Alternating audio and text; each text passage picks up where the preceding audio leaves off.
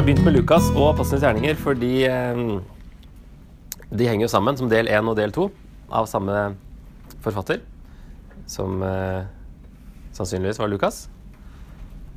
Eh, og evangeliet kan vi si at det fokuserer på at Guds rike er for taperne.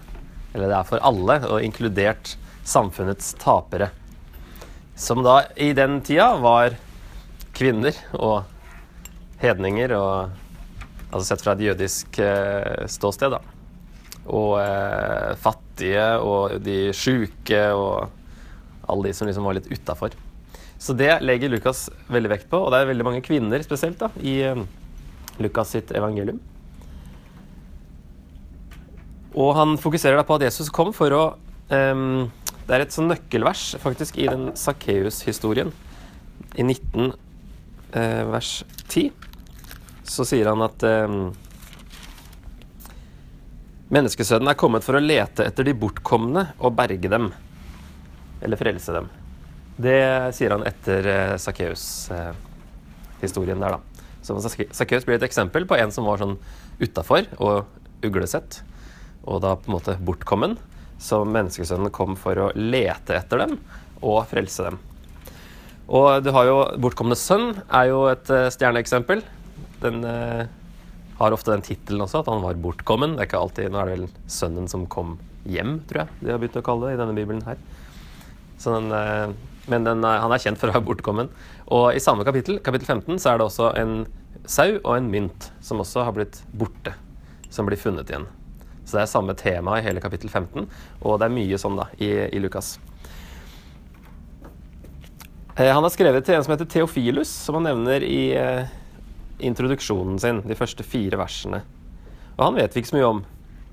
Han kan ha vært en sånn sponsor som faktisk har betalt for at Lukas kunne få til å skrive dette. For det var ikke gratis å sitte og skrive og få ting skrevet. Både blekk og papyrus eh, kosta penger. Og skulle man lage kopier, så kosta jo det masse. Um, så det kan være at han er en sånn, det var vanlig å dedikere det i hvert fall til en som hadde sponsa det. Eller så kan han ha vært en som eh, var involvert i rettssaken til Paulus, som da apostlenes gjerninger slutter med.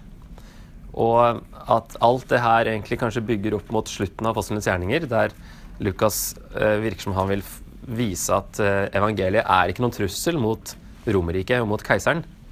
Så jeg trenger ikke å være redd for det det er det som igjen og igjen, i hvert fall i, i talene til Paulus, når han forsvarer seg på slutten av apostlenes gjerninger, så, så, er det igjen og igjen det der at ingen finner noe egentlig feil med dette her.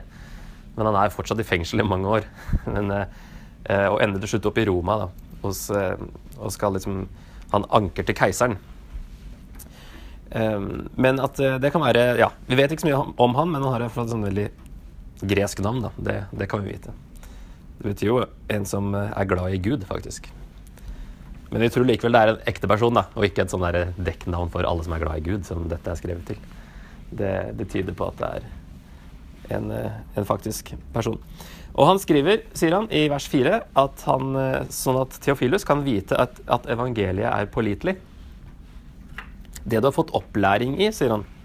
Sånn at eh, han tror jo på dette her allerede, han Theofilus.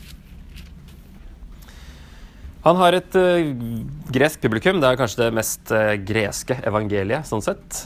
Uh, der han har bytta ut ord for rabbi, f.eks., så bruker han ordet lærer i stedet. Og istedenfor hedninger så snakker han om syndere, fordi han skriver jo til hedninger. Så det er ikke vits å kalle alle dem for syndere hele veien. Men at det er de som det er um, i, Fra jødisk standpunkt da, så var det de som var ikke jøder, som var hedninger, og da var de per definisjon syndere, sett på som fra typisk jødisk eh, synspunkt. Så han, eh, litt sånne grep kan vi se at ok, her virker det som at han eh, har et overveldende gresk publikum da, eh, som han skriver til. Og så er han veldig kjent for detaljene sine. Han har med veldig mange detaljer, og veldig mange av dem har blitt bekrefta av arkeologien. Sånn at han har fått en veldig sånn, høy stjerne som en pålitelig historiker. Um, der det går an å bekrefte ting arkeologisk, da, så er det veldig mange ting som er helt irrelevant egentlig for historien om Jesus, som har blitt bekrefta eh, i Lukas. Og som man først har tenkt at Lukas tok feil. Eh, og så har skjønt siden at han gjorde ikke det. Så han, eh, han er lege, eh, hvis det er den Lukas som nevnes ellers i Nytestamentet. Det tror vi det er. Så kaller Paulus han for en lege. Er det i Kolosserne han gjør det, tror jeg? Lukas, vår kjære lege, hilser dere i Kolosserne 4,14. Og dateres vanligvis mellom år 60 og 80. Det er typisk for de synoptiske, altså Markus, eh, Matteus og, og, Lukas. Så er det eh, som regel mellom der et sted de havner, for det er vanskelig å datere det noe mer detaljert enn mellom år 60 og 80 etter Kristus. Faktisk har Lukas skrevet mer enn Paulus av Nytestamentet. Selv om han skrev bare to skrift. Eh, jeg har tatt en veldig enkel struktur da, på, på Lukas. Eh, en slags prolog. Der har vi jo juleevangeliet og litt sånn barndomshistorier eh, om Jesus. Og så eh, kapittel tre til litt ute i kapittel ni så er det hendelser i og rundt Galilea, altså oppe i, i nord. Og så er det i vers 51 eh, da, at det står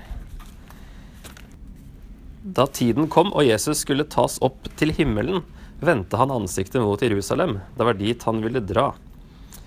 Så da, da kom liksom tiden da han skulle ta, tas opp til himmelen. og så eh, vender han ansiktet mot Jerusalem, og så er, liksom, er det mange kapitler fram til ute i kapittel 19, der de er på vei til Jerusalem. Og så er det lignelser og undervisning og noen hendelser på veien. Eh, så det er sånn geografisk struktur her mot Jerusalem. Og så har du siste, siste kapitlene da, i Jerusalem, fra 1928 og ut. Eh, og en interessant link er at det Lukas åpner med, i 1.1, så sier han at eh, mange har forsøkt å gi en fremstilling av det som er blitt oppfylt blant oss. Så han sier allerede at det er noe som har blitt oppfylt. Og i slutten så sier Jesus i 24.44 det var dette jeg talte om da jeg ennå var sammen med dere og sa at alt måtte oppfylles, som står skrevet om meg i Mosloven, hos profetene og i salmene. Så da har vi en link, helt første verset og nesten siste verset, med at Jesus har oppfylt hele Gammeltestamentet. Og så sier han eh, i vers 49 Eh, jeg sender over dere det som min far har lovet, men dere skal bli i byen til dere blir utrustet med kraft fra det høye. Så det er da De er i Jerusalem og venter på det, og det kommer liksom da i del to. Det som de venter på.